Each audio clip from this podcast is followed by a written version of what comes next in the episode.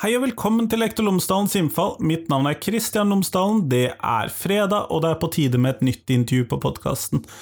Denne gangen så snakker jeg med Helene Barone fra Regionalt fagmiljø for autisme, ADHD, Tourettes og narkolepsi i Helse Bergen.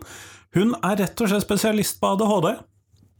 Og dette er det som er temaet, fordi at vi må jo tilrettelegge på en god måte for elevene som har ADHD, og jeg må innrømme at jeg oppdaget at dette temaet har jeg i liten grad dekket på podkasten.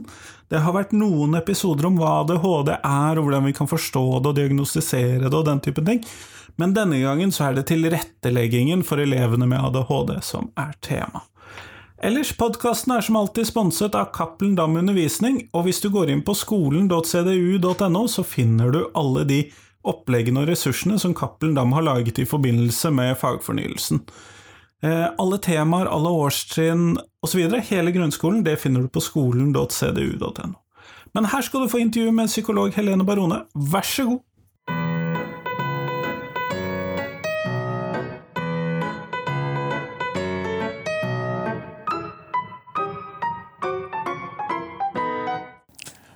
Helene Barone, tusen takk for at du tok deg tid til meg i dag. Tusen takk for at jeg fikk eh, komme her. Eh, før vi starter selve intervjuet, så hadde jeg håpet at du kunne fortelle lytterne mine tre ting om deg selv, sånn at de kan få bli litt bedre kjent med deg.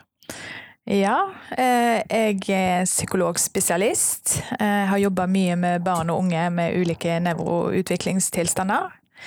Eh, nå jobber jeg i regionalt fagmiljø for autisme, ADHD, Tourettes syndrom og narkolepsi. Og i forbindelse med den jobben jeg uttaler meg og er her i dag, så har jeg òg en midlertidig stilling i 50 i Helsedirektoratet.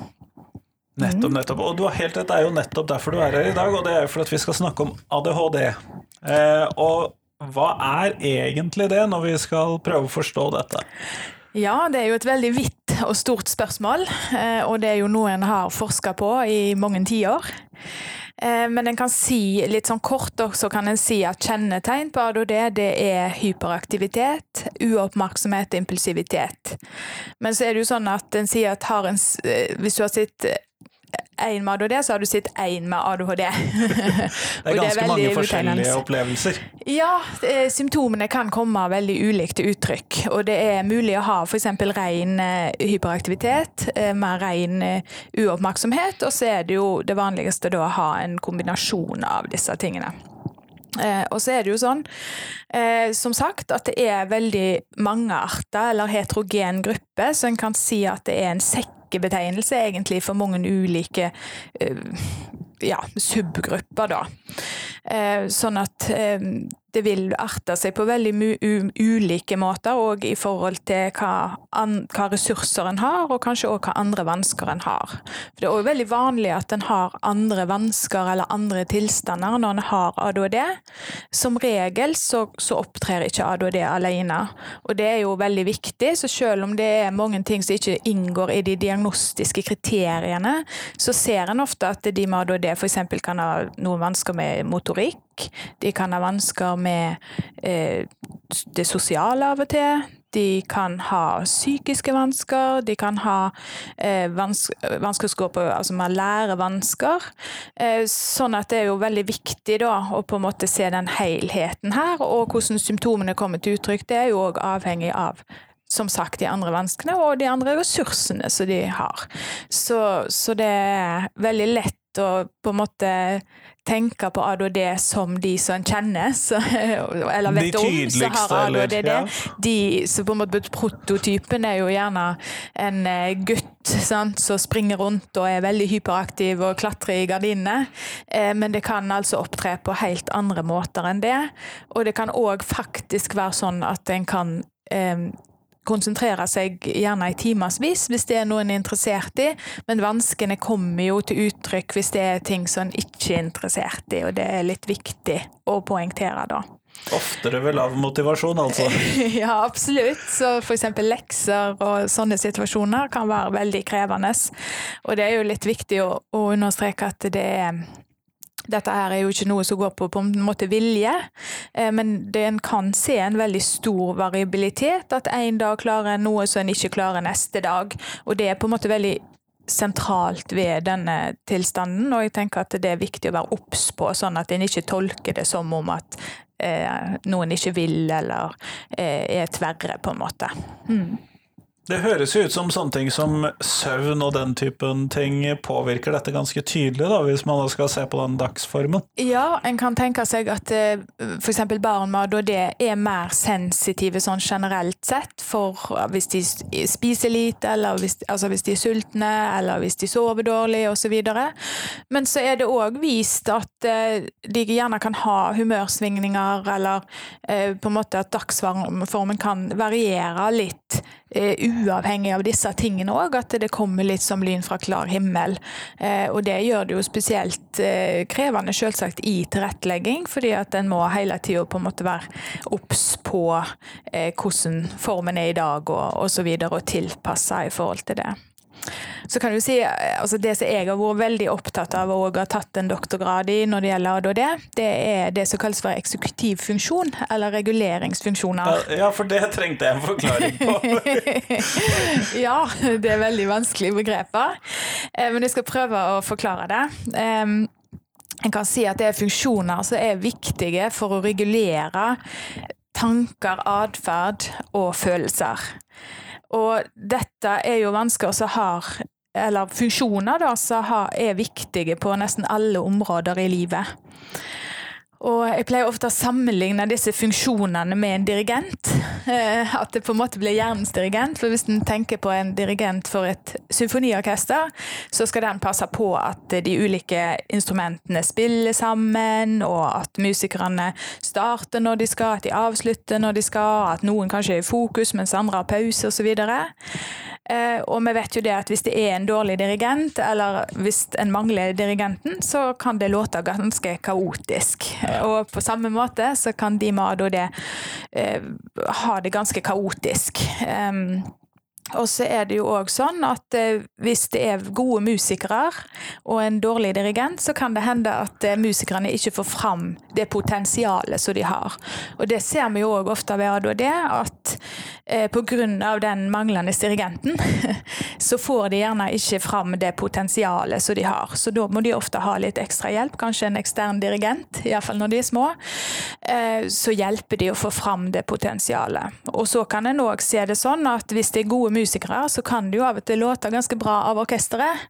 Eh, men da er det gjerne mer krevende for musikerne til å, å få det til å la, låte bra.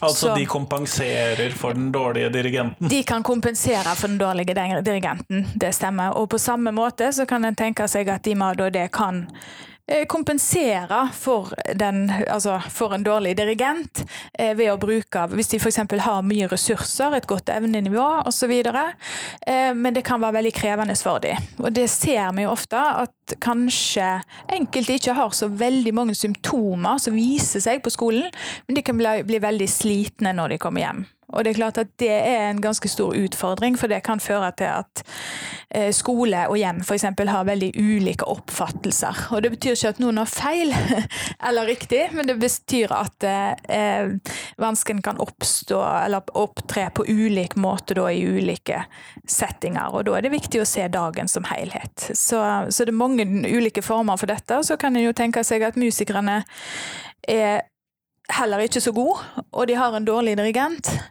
Eh, altså hvis en har lite ressurser, kanskje et lavt evnenivå. Eh, og da er det klart at disse menneskene gjerne vil være mye mer tydelige da, i mange tilfeller. Mm. Hvordan tenker du at eh, mestringsopplevelser i skolen virker inn på ADHD-en? i denne?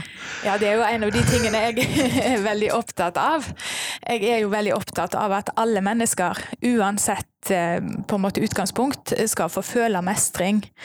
Og vi vet jo det at hvis en ikke føler mestring over tid, så fører det til håpløshet og hjelpe, lært hjelpeløshet, som en kaller det. Og det kan føre til psykiske vansker. Så mange av de med ADHD som ikke får eh, tilstrekkelig og god nok tilrettelegging, de vil jo oppleve å få psykiske sekundære vansker da. Og det er jo veldig trist, og det er noe som en kan eh, forebygge. Så jeg tenker det med mestring det er veldig viktig. Og så er det jo dette her med eh, med stress, at de gjerne er ekstra sensitive for stress. Og så vet vi det at hvis en går og føler at en ikke har kontroll og ikke mestrer over tid, så fører det òg til reaksjoner i kroppen. Det er, så kan på en måte være veldig negativt. Uh, hvis det står uh, over tid, da. Uh, og det er et ordstak som sier Jeg tror det var Einstein som sa at hvis du prøver å lære en fisk å klatre, så vil han for alltid tro at han er dum. Og det tenker jeg er veldig mye i, fordi det er òg sånn at jeg tenker at den fisken vil kanskje ikke prøve å svømme heller, når han kommer i vannet. Som han kunne vært ja. ganske god til? Så han kunne vært ganske god til. Sånn at jeg tenker de, og det er vist i studier òg, at hvis en på en måte Sånn som dyrestudier, at eh, hvis en eh, på en måte får den opplevelsen av hjelpeløshet, at uansett hva jeg gjør, så hjelper det ikke, så vil en ikke prøve heller når en har mulighet til f.eks. å unnslippe et ubehagelig stimuli. Så det med mestring det tenker jeg er veldig grunnleggende for for alle mennesker. Og det er jo klart, hvis jeg skulle gått, eller du skulle gått på jobben hver dag eh, og gjort noe som vi ikke eh, var god til, eh, og kanskje fått mye negative tilbakemeldinger på det og kjeft, så, og vi gjorde så godt vi kunne, så er det klart at det hadde ikke vært noe særlig bra i lengden når vi ville utvikle Eh, stressreaksjoner og mest sannsynlig òg psykiske lidelser, rett og slett. Jeg tror ikke jeg ville stått i den jobben så altfor lenge, nei. Nei, men det er jo gjerne sånn en del med Hvis en ikke får skikkelig tilrettelegging, så kan det nok føles sånn for en del av de som har ADHD og andre nevroutviklingstilstander, og det er jo selvsagt veldig veldig trist. Og så er det sånn at det er ikke alltid det skal så fryktelig mye til for å tilrettelegge heller på en god måte. Og ofte så kan en kjøre litt det samme opplegget på, som vil hjelpe mange elever, og de som kanskje ikke har en diagnose. Ja, Det høres ut som vi lærere trenger å vite veldig mye forskjellig for, for å liksom ha et utgangspunkt for å være der best mulig for disse elevene, da. Ja, eh, på en måte, men jeg tenker jo egentlig generelt at det er viktig at lærere kan mye om disse tilstandene. For jeg tror at kunnskap det fører òg til mindre moralisme, eh, og det fører til forståelse. Og da kan en kanskje hindre at en sjøl som lærer eh, altså, handler på, bare på intuisjon og automatikk, for det er jo lett å gjøre. sant, at en, Dette kan være elever som av og til kan virke litt provoserende osv. Og, så og disse tingene her som går på eksekutivfunksjoner eller reguleringsfunksjoner, hvis en har vansker med det, så er det jo mange av de funksjonene en legger veldig mye moral på. Det å ikke klare å starte med ting, kanskje ikke huske ting. Eh, det å være impulsiv. Det er forbundet med mye sånn som vi på en måte knytte moral til. Og det tror jeg er veldig viktig å prøve å ikke knytte for mye moral til, og da tror jeg at kunnskap om disse tilstandene eh, vil hjelpe. Og det som er så bra, som jeg nevnte, det er at det vil ikke hjelpe bare de som har en diagnose, men òg de som har sånne vansker uten at de nødvendigvis får en diagnose. For dette er det som vi kaller for dimensjonalt. At du, så, akkurat sånn som med blodtrykk eller feber, at du på en måte eh, Du kan ha 38,9 eller du kan ha 39 og liksom ja, kan defineres som feber. Sant? Det er jo litt sånn, En må sette et cutoff, men, men, og det må en her òg. Det betyr at ganske mange går rundt med ganske mange sånne vansker eller utfordringer uten at de har en diagnose. Eh, så jeg tenker det er viktig.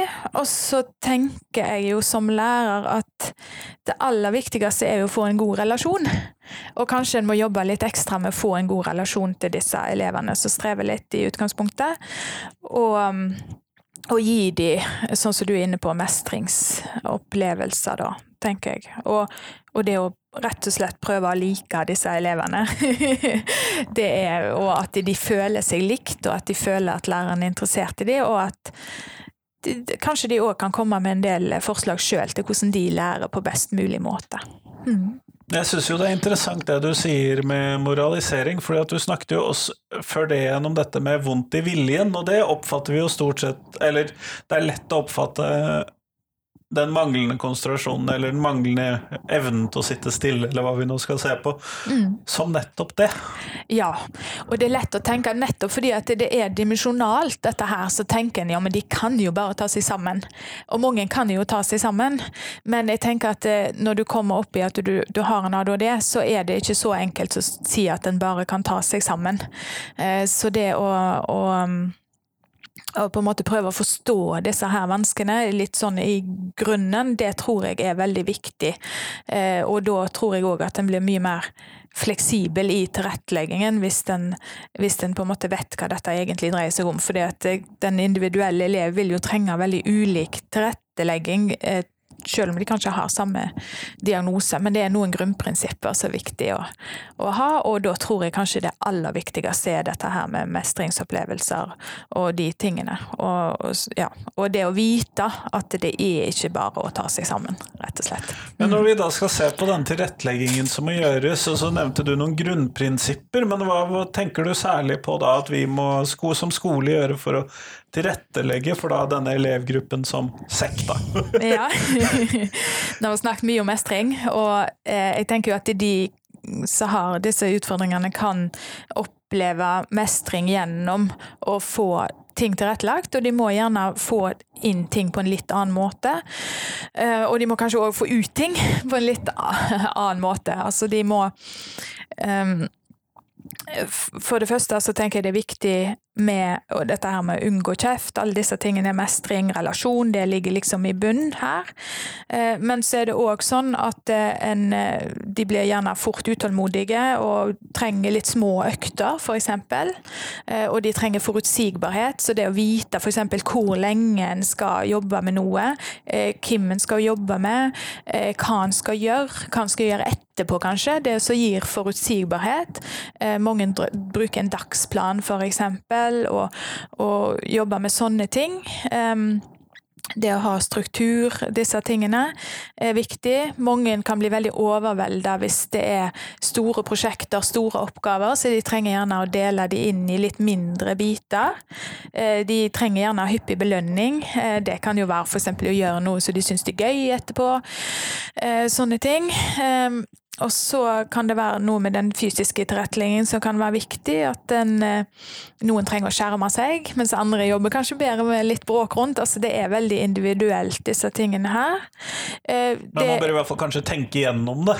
En må tenke gjennom disse tingene, og da er det veldig lurt å vite en del om eh, disse tilstandene. Og så er det sånn at det går det, det, er viktig at hvis du vet noe om ADHD, så bør du òg vite en del om autisme og andre nevroutviklingstilstander, fordi det er ofte sånn at altså, når det gjelder de, de, diagnostiske kategoriene, så blir jo det kategorier. Eh, og det kan jo framstå som veldig ulike, disse tilstandene. Men faktisk er det mye overlapp både i symptomer og når det gjelder genetikk. Sånn at det, det er ofte sånn at de med autismespektrumtilstander f.eks. har en del ADHD-symptomer. Kanskje noen òg har, eller det er ganske mange som òg har diagnosen, og omvendt. Sånn at den, måte dette her er et landskap som er ganske komplekst. da. Ja, for jeg det, hørte det at på, Så langt du har kommet i denne tilretteleggingen, og jeg avbrøt deg jo litt midt i den, men du skal få lov til å fortsette på den. Men jeg hørte jo at noen av disse tipsene du kom med for tilrettelegging, var veldig like tips jeg har hørt for autismespekterdiagnoser tidligere. Nettopp, og det er jo det som er så veldig bra. At, at mye av denne tilretteleggingen som funker på, eh, på flere grupper enn bare de som har en ADHD ADHD. Og som sagt så kan det òg funke veldig godt. Altså Kim syns ikke det er godt med litt eh, forutsigbarhet, og kanskje dele ting opp i litt mindre biter, få litt oppskrifter for oppgaveløsning osv. Og, så og de fleste av oss kan jo òg ha godt av kanskje å ha en liten pause der en får strekt seg litt osv. Så, videre. så trenger en jo òg gjerne litt individuell tilrettelegging. Altså noen trenger mye, noen trenger lite. Eh, det kommer jo litt an på hva ja, både vansker og, og altså graden osv. Men, men sånn sånn så det at en trenger å ta seg en liten tur ut, f.eks. Det kan jo gjøres på mange ulike måter. Kanskje en kan få eleven til å hente noe, eller bake det inn litt sånn. Jeg har sett elever når jeg har vært ute på skoleobservasjoner som gjerne har spissa blyanten sin eh, ti ganger i løpet av timen, men gjort det så umerkelig at den på en måte eh, går litt greit. under radaren. Sånn, så bake inn litt sånne ting, og vite litt hva eleven trenger og sånt, det er viktig. Og så tenker jeg òg at det er veldig viktig at en eh, tenker på friminutt og det sosiale. Mange med disse utfordringene vil eh, kanskje trives best i litt mindre grupper, kanskje med organiserte aktiviteter, og det er viktig at friminuttet blir et friminutt. At det ikke blir enda mer krav, og, og at det blir veldig, veldig vanskelig, for det kan det være for mange. Og så er det dette her med ja, med å få fram Jeg sa at det var, kunne være vanskelig, vanskelig både å få inn, men òg å få ut informasjon. Og det ser en òg hos en del med de med ADHD, at det, noen beskriver at de har et litt rotete arkiv.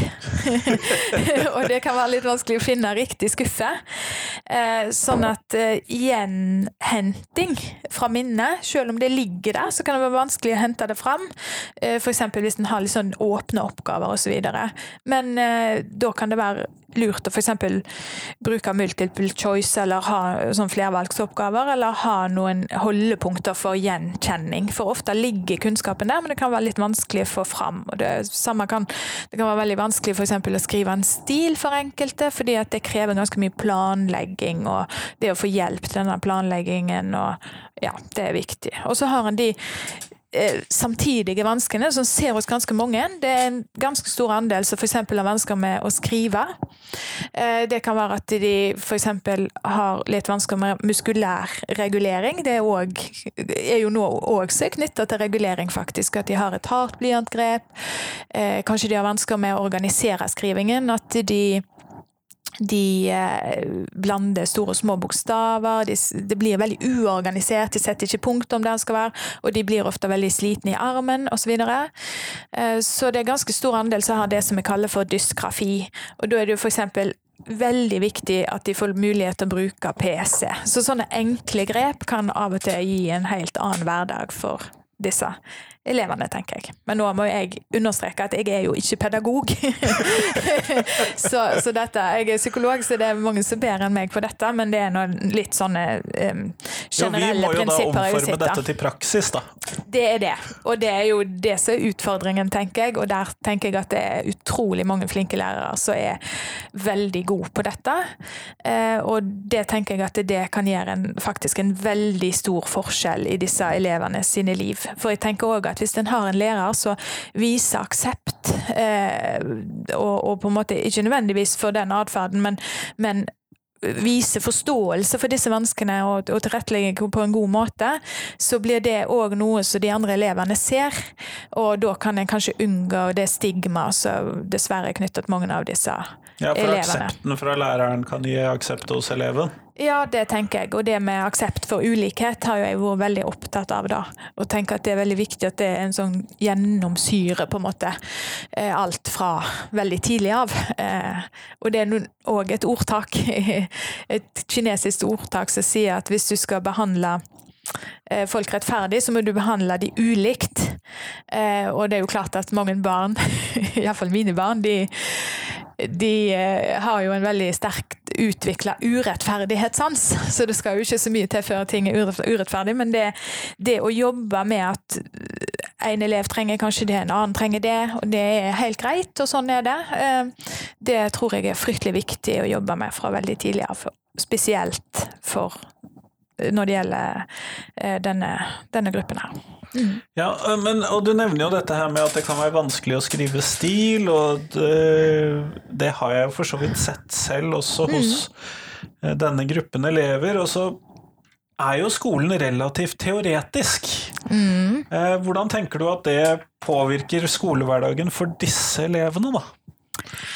Ja, altså en del av disse elevene vil jo gjerne lære bedre gjennom praksis, og, og få jobbe på en litt annen måte òg med det. Så jeg tenker at eh, absolutt at det kan være veldig viktig for mange å på en måte eh, Og da ja, eh, få gjøre ting i praksis. Det blir gjerne mer inspirerende, mer motiverende. Eh, kanskje det å være ute en del og få læring gjennom eh, på den måten. Da får de gjerne beveget seg litt og sånt òg. Det tror jeg kan være veldig viktig. å tenke at det er mange måter å lære ting på, og at det ofte kan være veldig viktig å ja, fokusere på praktisk læring for enkelte av disse elevene. Mm.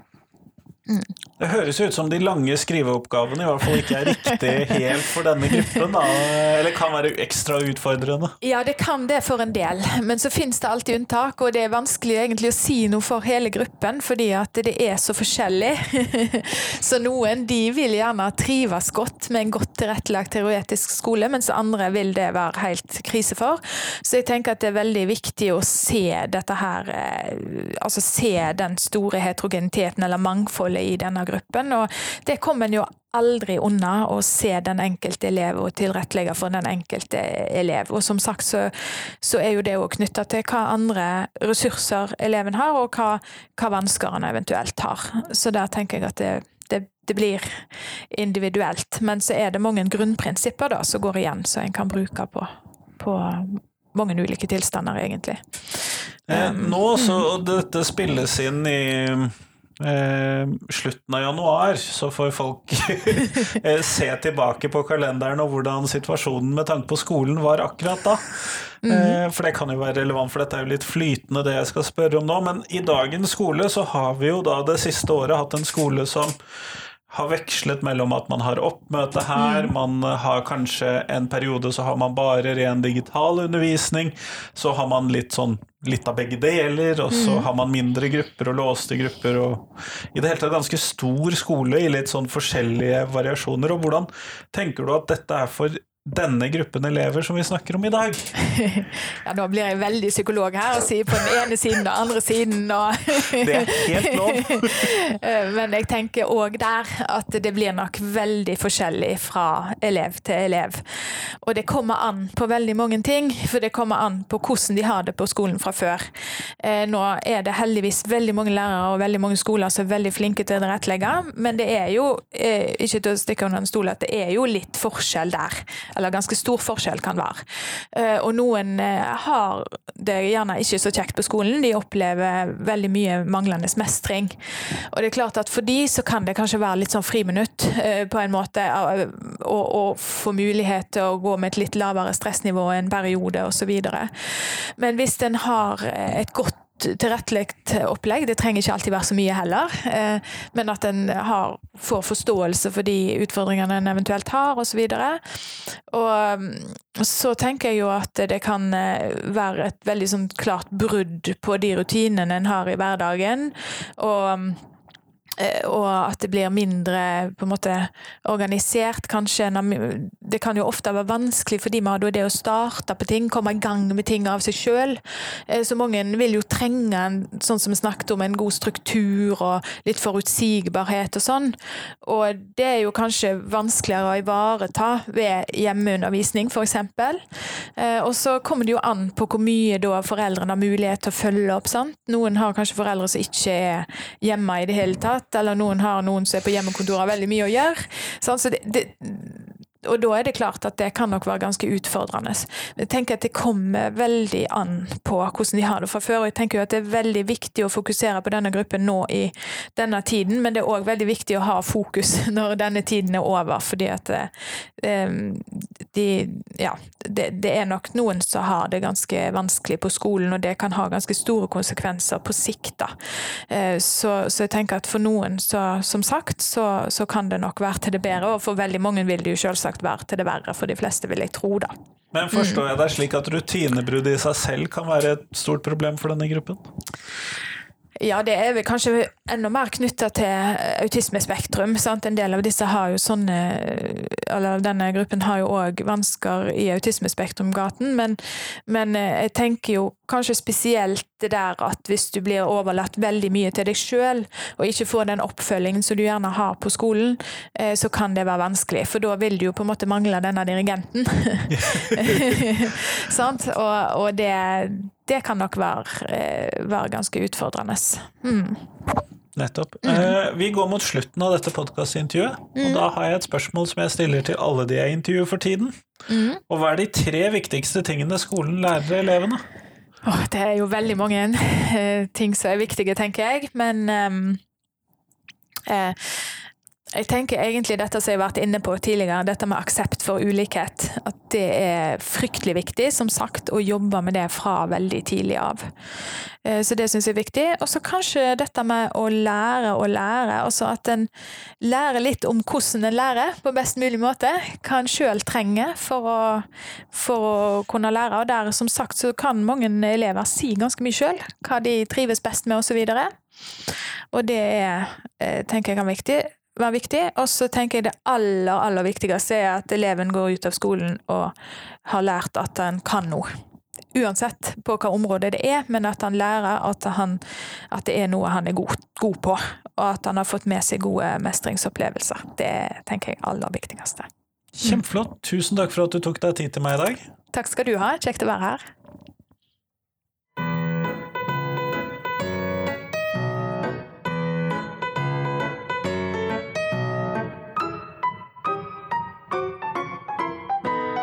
Tusen takk til Helene, og tusen takk til deg som hørte på. Nå er det en ny episode i morgen. Det er en såkalt ekstra fullføringsreformsepisode, eller en episode om stortingsmelding 21.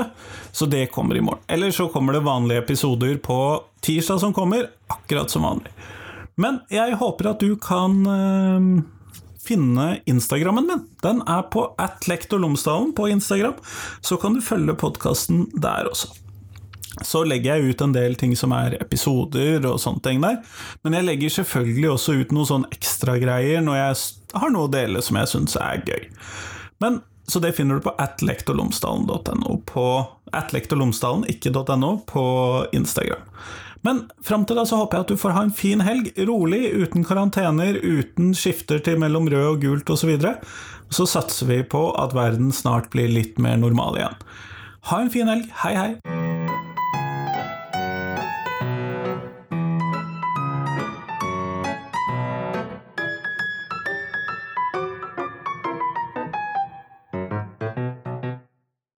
Husk det at du kan gå inn på iTunes, podkaster andre steder, og så rate podkasten. Det blir jeg kjempeglad for. Gjerne full pott, selvfølgelig. Men vi høres!